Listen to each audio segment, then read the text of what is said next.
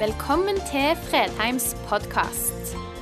For mer informasjon og ressurser, besøk oss på fredheimarena.no, eller finn oss på Facebook.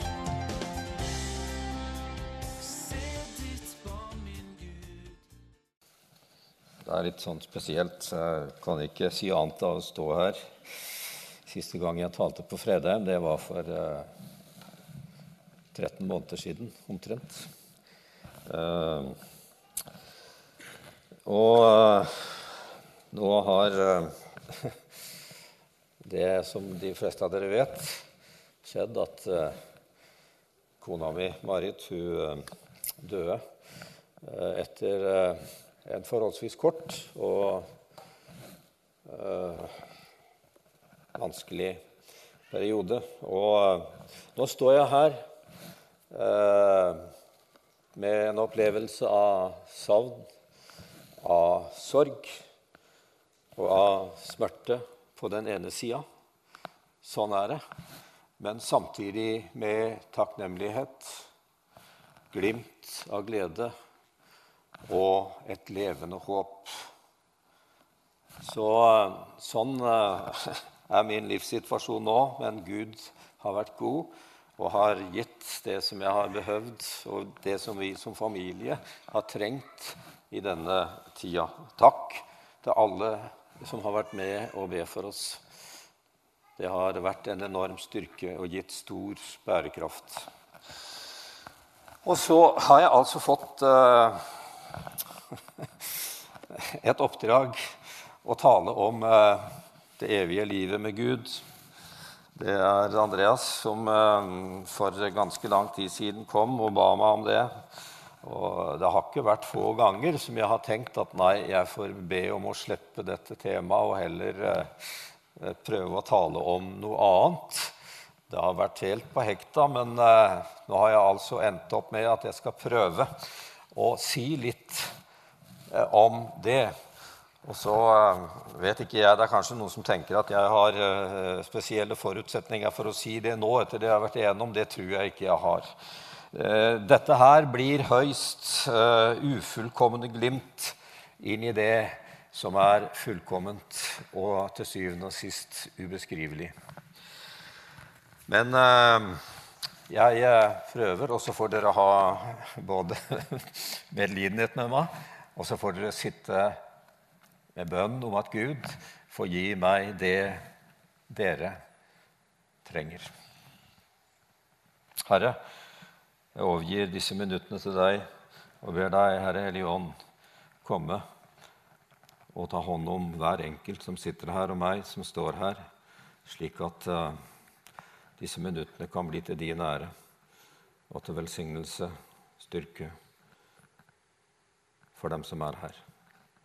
Og Herre, la de bli noe som opphøyer deg. Amen. I Bibelen så er det evighetsperspektivet og det at vi er evighetsvandrere, som er målstokken, og som gir den rette forståelsen av livet vårt her. Uh, Rick Warren, han som har skrevet bok om målretta liv, som vi for en del år siden gikk igjennom her, han sier det sånn For å få mest mulig ut av livet er det to sannheter du ikke må glemme. For det første at livet på jorda er ekstremt kort sammenligna med evigheten. For det andre er jorda et midlertidig oppholdssted. Uh, det stemmer med det Bibelen sier. Fordi eh, den eh, karakteriserer vårt liv her som en røyk, synlig en kort stund, og så er den borte. Det står i Jakobs brev 4, 14. Eh, den Herre som ga oss livet, tar det igjen, og alt vi får mellom hendene våre, det er til syvende og sist bare et lån. Gud låner oss jorda mens vi er her. Den var Guds eiendom før vi kom og Gud låner den bort til andre etter at du og jeg er døde. Eh, og forståelsen av at livet er en flyktig gave, der siste forbruksdag ikke er angitt, det gir egentlig mening, verdi og alvor til livet her. Det står eh, mange ord i Bibelen om, om dette temaet, men eh, jeg leste noe som sto i 1. Timoteus brev. Forman dem som er rike i denne verden, at de ikke må være overmodige og ikke sette sitt håp til den usikre rikdommen, men til Gud. På den måten samler de seg en skatt som blir en god grunnfold for fremtiden. Og så kommer det en setning som jeg har uh, sitert for meg sjøl en del ganger, så de kan vinne det virkelige livet. Så de kan vinne det virkelige livet. Det virkelige, egentlige livet. Det er til syvende og sist ikke det livet vi lever nå, men det er det som uh, Bibelen kaller det evige livet hos Gud. Mange regner med at døden er det siste. Derfor blir det å få mest mulig her og nå sjølve målestokken for mange. Og det virker som om mange tror at livet er en konkurranse med følgende spilleregler. Den som har mest når han dør, han har vunnet. Men eh, sånn er det ikke. Som levende kristne og som Jesu disipler har livet vårt et annet mål og en annen hensikt enn det. Den, den, taler om den nye himmel og den nye jord. Vi venter etter Hans løfte nye himler og en ny jord. Og i Johannes evangeliet 17,3 så definerer Jesus hva det evige liv er, og hva som er hovedtema. Og dette, sier han, er det evige liv. Dette er det evige liv. At de kjenner deg den eneste sanne Gud, og ham du sendte, Jesus Kristus. Det evige liv handler om en relasjon, og den begynner her. Det evige liv er ikke bare noe framtidig. Det evige liv begynner her. Når du tar imot Jesus og ved ham får en relasjon til den evige Gud. Og den relasjonen den er ment å vokse og få sitt klimaks og sin fullendelse i Guds evige, fullkomne verden. Denne relasjonen det er selve substansen og hovedingrediensen i det evige liv.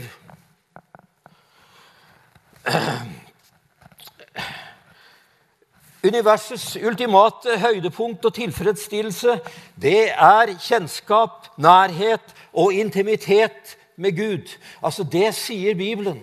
Jeg vet ikke hvilken oppfatning du har å tenke på når, du, når, når vi tenker på det evige liv, men her er det sagt, altså eh, Samvær, kjennskap, nærhet til Gud Fader, Guds Sønn og Hellige Ånd, det er selve essensen i det som har med det evige liv å gjøre. Og ingen vil noensinne forlate dette nærværet når de har smakt det og opplevd det.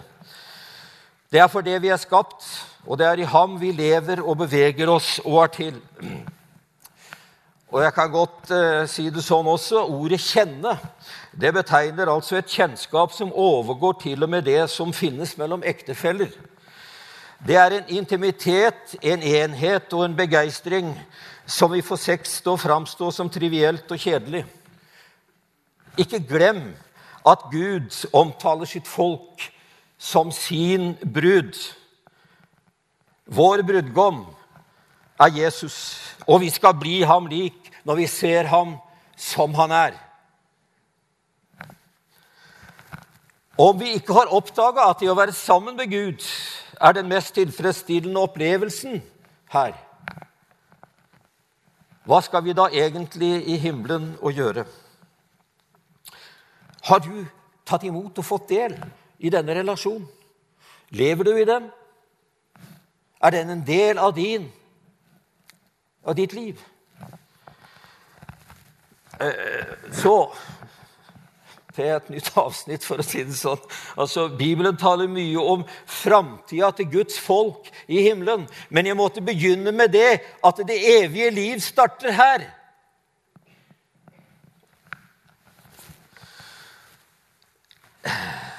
Legg til side alle forestillinger om at himmelen bare er en forestilling eller en tilstand. Fra kristendommens begynnelse har det vært en klar oppfatning at himmelen er et ekte, konkret sted. Du finner det ikke på noe kart, for det befinner seg i en annen dimensjon. Men Jesus beskriver dette stedet slik. I min fars hus er det mange rom. Var det ikke slik, da hadde jeg sagt dere at jeg går bort og vil gjøre i stand et sted for dere. Og når jeg har gått bort og gjort i stand et sted for dere, kommer jeg tilbake og vil ta dere til meg, så dere skal være der jeg er. Og dit jeg går, dit vet dere veien. Og så fortsatt med å si 'Jeg er veien, sannheten og livet'. Du vet at Når du skal reise til et nytt sted, så er det naturlig og viktig at du kanskje gjennom reisebøker og andre kilder søker å gjøre deg kjent med stedet og landet du skal til. For det skaper forventning. Når det gjelder eh, vår destinasjon, så er eh, reiseboken Bibelen. Mye av forestillingene vi har om himmelen, har vært så diffus og tåkete at mye av den gleden og spenningen som burde farve vår holdning til hva som venter oss, den er kanskje borte. Noen tenker på en svevende, kroppsløs og ikke-fysisk tilværelse som er ispedd kjærlighet, glede og fravær av lidelse, men det tenner allikevel ikke noen begeistring og sterk forventning hos oss. Eh, det er nesten som en sa, en, eh, en tilstand for bedrestilte spøkelser. Men eh, heldigvis så er ikke dette Bibelens bilde av himmelen. Andre kan tenke på det som en endeløs, kjedelig gudstjeneste der du synger sanger som du kanskje ikke er så glad i. Eh,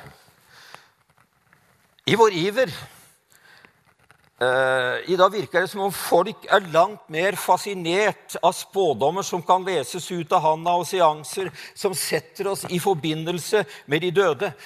Men Bibelen advarer veldig sterkt imot det, selv om det er veldig opp med tida. I vår iver og vårt ønske om at relasjonene mellom oss skal fortsette på den andre siden av graven, så har mange av oss glemt at de svarene vi søker, de har vært der i 2000 år i Bibelens budskap om himmelen.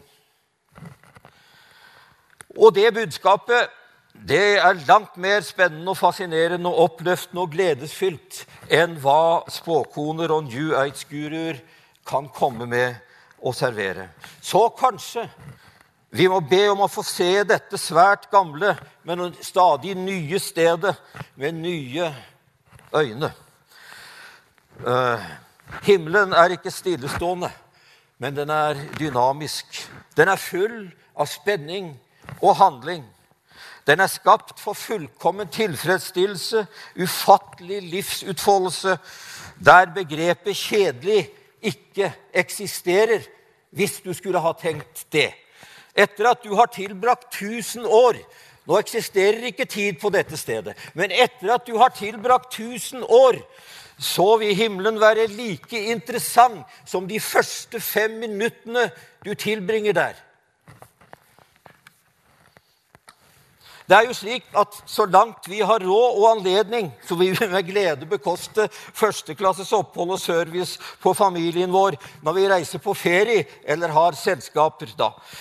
Vi ønsker ikke å spare på noen ting. Og tror du Gud vil spare på noe når hans familie skal samles? Eh, det står i 1. Korinter 2,9.: Det øyet ikke så det øret ikke hørte, det som ikke kom opp i noe menneskehjerte, det som Gud har gjort ferdig for dem som elsker Han. Så egentlig så står jeg her og prøver å sette ord på det som er ubeskrivelig. Men altså sånn, sånn er det. Hva om det stemmer at dette livet bare er en forsmak på den ultimate festen som venter oss? Hva om himmelen kommer til å bli langt bedre enn vi i våre villeste fantasier har tenkt. Og hva om det livet du lever nå, har betydning for det livet som kommer? Bibelen ber, som jeg allerede har vært inne på, om å se vårt liv her på jorden i lyset av at vi er pilegrimer. Eh, det står i Hebreerne 13.: Vi har ikke her et blivende sted, men søker den kommende. Du som er en kristen og har tatt imot Jesus, din identitet og tilhørighet som en Jesu disippel, det er i evigheten. Himmelen er ditt hjemland, dypest sett. Og så eh, Åssen vil vi oppleve himmelen? Vil jeg bli meg, og vil du bli deg, når vi kommer til himmelen? Eller blir jeg en eller annen bleik og luftig kopi av den jeg egentlig er? Jeg kan si det med sikkerhet. Den person som kommer til himmelen, er du, med din personlighet og ikke en svevende ånd. Det har til alle tider vært mennesker og retninger som har hatt et mindreverdig syn på kroppen og dens verdi, som noe vi skal bli kvitt og slippe fri fra i den kommende verden. Det er en helt ubibelsk tanke. Vi tror at Gud skapte ånd, sjel og kropp sammen som en enhet, og at denne enheten utgjør det vi kaller menneske. Vi kommer til å bli hele mennesker når vi kommer til himmelen. Fullkomment hele mennesker med kropp, sjel og ånd. Justin Martyr, som levde 100 år etter Kristus, han sier det sånn Hvis Gud har kalt mennesket til liv og oppstandelse, så har han ikke bare kalt en del, men hele mennesket. Og det er både sjelen og kroppen så kommer et ord som understreker det jeg har sagt nå. Vårt hjemland er i himmelen, og derfra venter vi Herren Jesus Kristus. Han skal forvandle skrø, vår skrøpelige kropp og gjøre den lik den kroppen han selv har i herlighet. For han har makt til å underlegge seg alle ting. Filippenserne 3. Den kroppen vi har nå, den er veldig sterkt prega av forgjengelighet og forfall som en følge av syndefallet. Bibelen beskriver den som en trelldom under forgjengeligheten. Men det vil altså skje dyptgående, spennende og positive forandringer med oss når vi ikles oppstandelseskroppen. Men den vil ha store likheter med den kroppen som vi har nå. Du vil bli deg, og jeg vil bli meg. Se for deg det øyeblikket i livet som du kanskje frykta mest. Din jordiske kropp, den skal dø.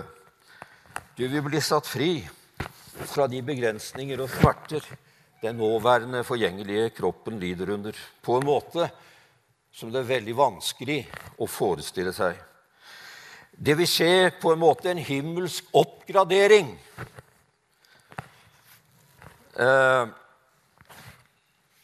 du har sett en larve eh, bodde i, når vi bodde i Larvik Larvik og larve. ja. Når vi bodde i Larvik, så hadde vi en kålåker. Han som eide den der eiendommen, hadde, hadde en kålåker der et år. Og når det gikk mot høsten, så ga det de resultatene at eh, vi fant kållarver overalt.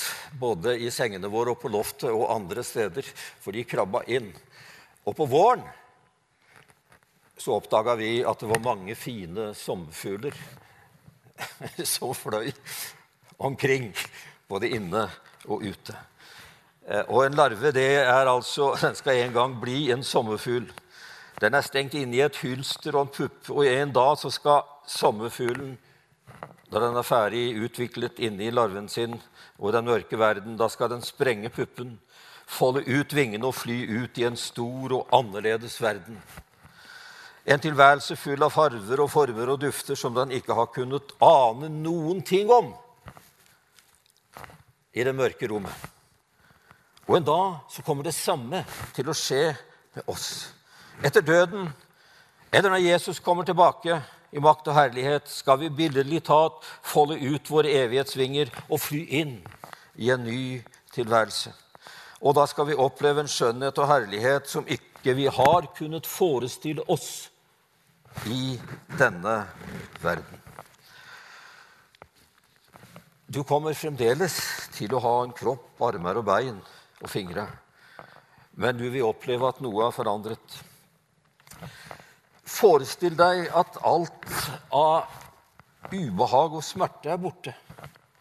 Alle skavanker og skrøpeligheter som du hadde før. Og de begrensningene som den jordiske kroppen hadde, fins ikke og er ikke til stede i den nye, forvandlede og oppgraderte kroppen du har fått. Du har fremdeles alle sansene dine, men de oppleves å være nesten sagt turbolada og mangedobla. Du sanser og erfarer på og føler på en, en mye mer dyp, ekte og levende måte enn tidligere. Alle bekymringene må vike for en forbløffende opplevelse av dyp fred og ekte glede. Eh, Luther som har sagt det sånn Vi legger av hverdagsdrakten og blir ikledd søndagsdrakten. Og de færreste av oss innser at dette med den nye, forvandlede kroppen det er et løfte som Gud har formidla gjennom Bibelen. Nå skal du, eh, skal du, høre det avsnittet jeg leser i 2. Korinterbrev 5. For vi vet at det rives ned, dette teltet som er vårt jordiske hus. Så har vi i himmelen en bygning som er fra Gud, et evig hus som ikke er gjort med hender. Mens vi er her, sukker og lengter vi etter å bli ikledd og omsluttet av vår himmelske bolig. For når vi slik er blitt kledd, blir vi ikke stående nakne. Så lenge vi bor i vårt jordiske telt, er vi nedtrykt og sukker.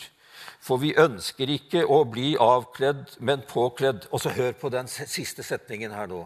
Hør på den siste setningen.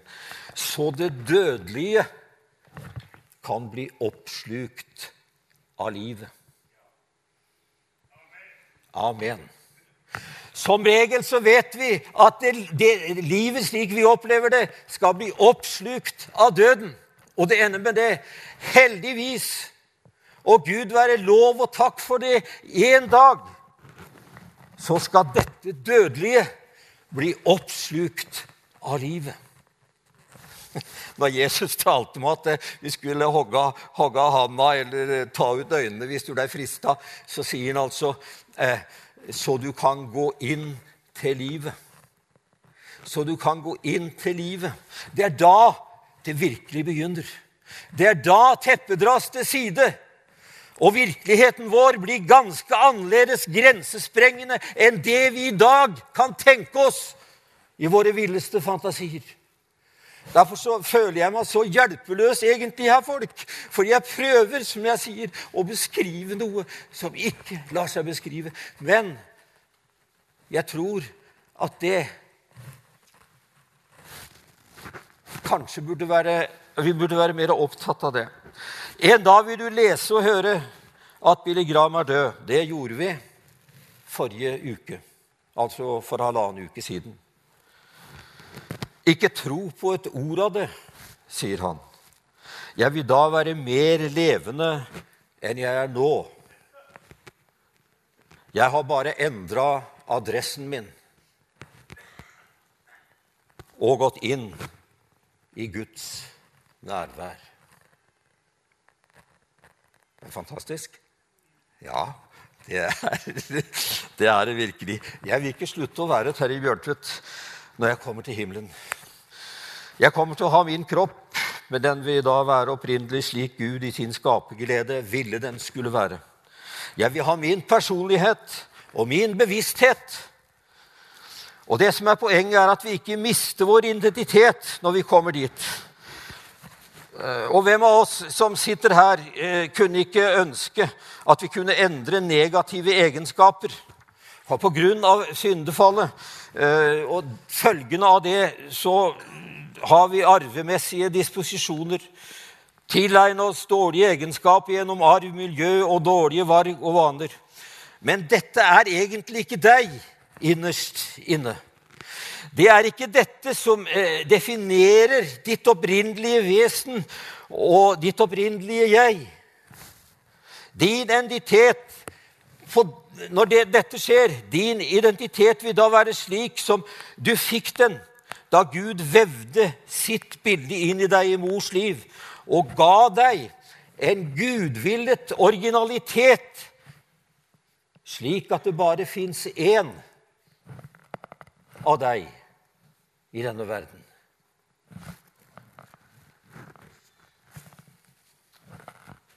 Så langt jeg kan se, så vil hele sanseapparatet vårt fungere maksimalt. Vi vil kunne spise og drikke og snakke i himmelen, for det gjorde Jesus etter sin oppstandelse. Og det er det som er mønsteret for hva vi vil oppleve. Uh, mennesker i himmelen vi klemmer hverandre. De vil utstråle fullkommen godhet og kjærlighet. De vil utfolde en kreativitet som sprenger alle grenser, uten å kjenne på begrensning og trøtthet. Og så eh, vil vi kjenne hverandre i himmelen.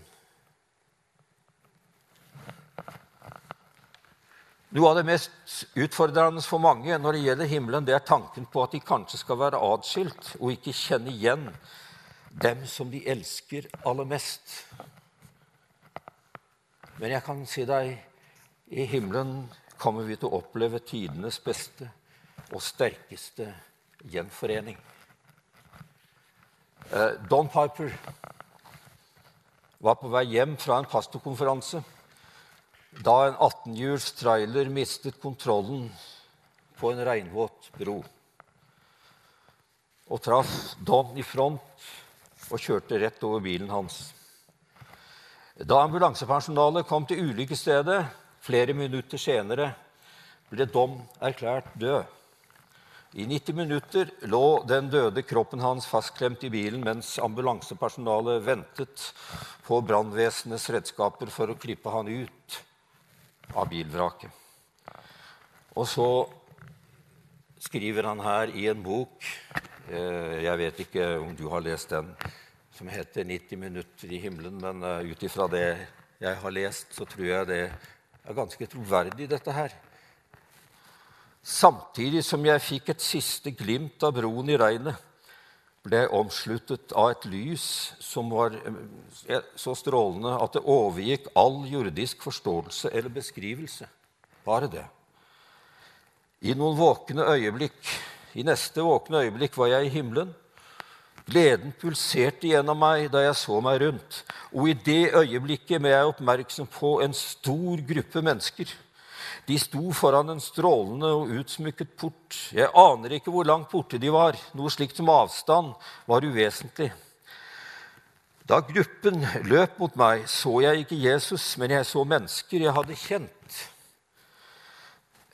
Da de stormet mot meg, viste jeg umiddelbart at de alle sammen hadde dødd i min levetid. Deres tilstedeværelse her var helt naturlig, og de løp mot meg, og alle smilte og ropte mens de priste Gud. Og selv om ingen av dem sa det, visste jeg intuitivt at de var min himmelske velkomstkomité. Og det var som om de alle hadde samlet seg like utenfor himmelens port bare for å vente på meg. Og den første personen jeg gjenkjente, var Joe Kulbert, bestefaren min. Han så akkurat ut som jeg kunne huske han. Han stanset et øyeblikk og ble stående foran meg. Et stort smil dekket ansiktet hans. Øynene hans lyste opp, og han rakte armene sine ut og tok de siste skrittene bort til meg og omfavnet meg. Um, stemmer dette? Ja, jeg kan, ikke, jeg kan ikke si det. Men faktisk så taler Bibelen Nå skal du høre. Bibelen taler om Skaff dere venner ved den urettferdige mammon, for at de, når den svikter, kan ta imot dere i den evige verden. Kanskje det vil være en himmelsk velkomstkomité som vi vil dra kjensel på når vi når dette stedet.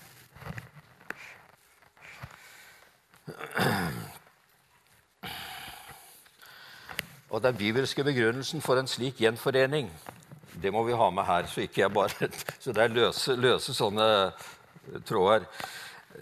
Den bibelske begrunnelsen er det som skjedde de 40 dagene mellom Jesu oppstandelse og himmelfart. Etter sin oppstandelse så viste Jesus seg for kvinnene og disiplene. Og Nå skal du følge med. Og det går igjen i disse fortellingene. Du kan lese om det i Johannes 20, 21 når du kommer hjem. Det går igjen i disse fortellingene at de han viste seg for, de kjente ham igjen. Den kroppen han viste seg i, var den samme kroppen som ble lagt i graven, og samtidig var det noe annerledes. Det var et åndelig herliggjort kropp han hadde. Det var ikke lenger begrenset av tid og rom. Han kom gjennom stengte dører. Han tilbyr Thomas å føle og kjenne på sårene han har i hendene sine. Det viser at den herregjorte kroppen var den samme kroppen som han hadde hatt da han ble korsfestet og gravlagt. Og det er noe konkret og håndfast over dette folk. Ikke noe luftig, men det er noe konkret og håndfast. Han taler med disiplene. Han bruker samme ord som før. Han bruker samme kommunikasjon som da han levde eh, blant dem eh, før sin død og oppstandelse. Se på mine hender og føtter, det er meg. Ta på meg og se. En ånd har ikke kjøtt og ben, som dere ser jeg har, sier han når han møter dem etter sin oppstandelse på salen i Jerusalem, der de hadde gjemt seg. Den Jesus disiplene hadde vært sammen med før, han de hadde snakket med, tatt og følt på, spist sammen med, vært så glad i. Han står nå foran dem, og de opplever et fantastisk gjensyn. De blir fylt av glede. De kjærlighetens bånd som var knytta mellom Jesus og disiplene mens han levde her på jord, de blir nå knytta igjen. Og det folk forteller oss, at den kjærlighet og godhet som det var mellom Jesus og dem, den varer utover døden og inn i evigheten. Det er det Paulus mener når han sier kjærligheten faller aldri bort. For det er den som er atmosfæren og pulslaget i den himmelske verden. Den er lufta vi puster i. Så sant som det var Jesu person som oppsto med legem, sjel så sant skal vi med vår person, identitet, legem, sjel og ånd stå opp av graven igjen. Vår grav skal være tom, for det som skjedde med Jesus, det skal skje for, eh, med oss fordi vi er hans medarvinger. Eh, jeg skal straks slutte. Når det evige liv utfolder seg i fullkommenhet, da skal vi få erfare at alt det gode vi opplevde her i samfunnet med Gud og med hverandre, det skal finne sin fortsettelse i fullkommenheten og i den nye verden uten synd. De familiebånd som i ekte kjærlighet ble knyttet her, de skal knyttes på nytt i himmelen. Nå sa Jesus at i himmelen tas ikke til ekte og gis ikke til ekte. Men Jesus sa ikke at vi ikke skal være sammen med ektefellen vår og våre kjære. Han sa at vi ikke skal gifte oss eller bli giftet bort, for det trenger vi ikke. For det skal ikke være noen formering eller behov for nye familier i den verden vi går inn i. Men familierelasjonene våre, som du sitter kanskje og tenker på, denne formiddagen, de kommer ikke til å være mindre nære i evigheten.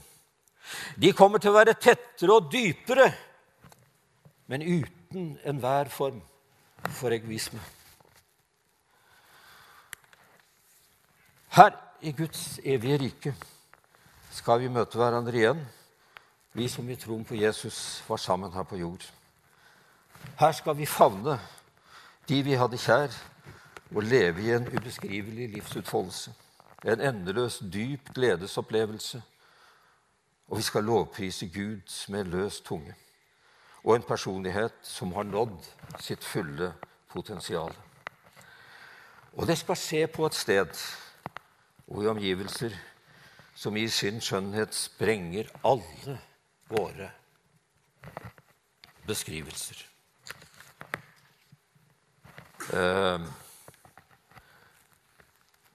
Nå la meg lese et lite til sist som han Don Piper opplevde etter å ha vært klinisk død i 90 minutter, sa han jeg så farger jeg ikke ante eksisterte.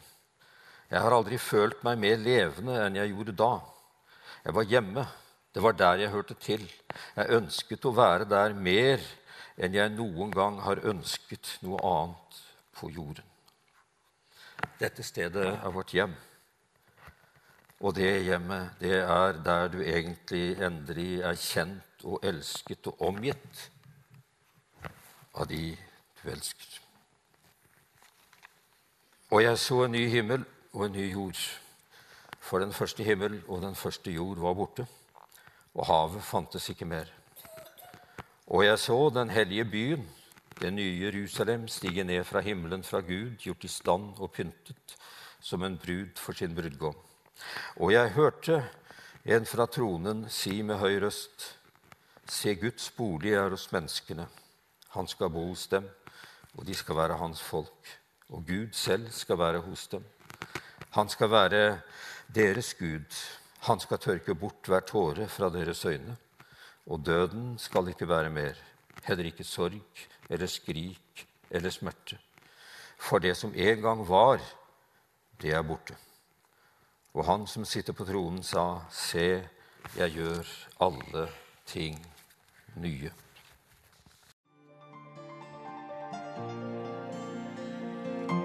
Takk for at du valgte å høre på. Nye opptak legges ut hver uke. Vi har gudstjenester hver helg, og du er hjertelig velkommen.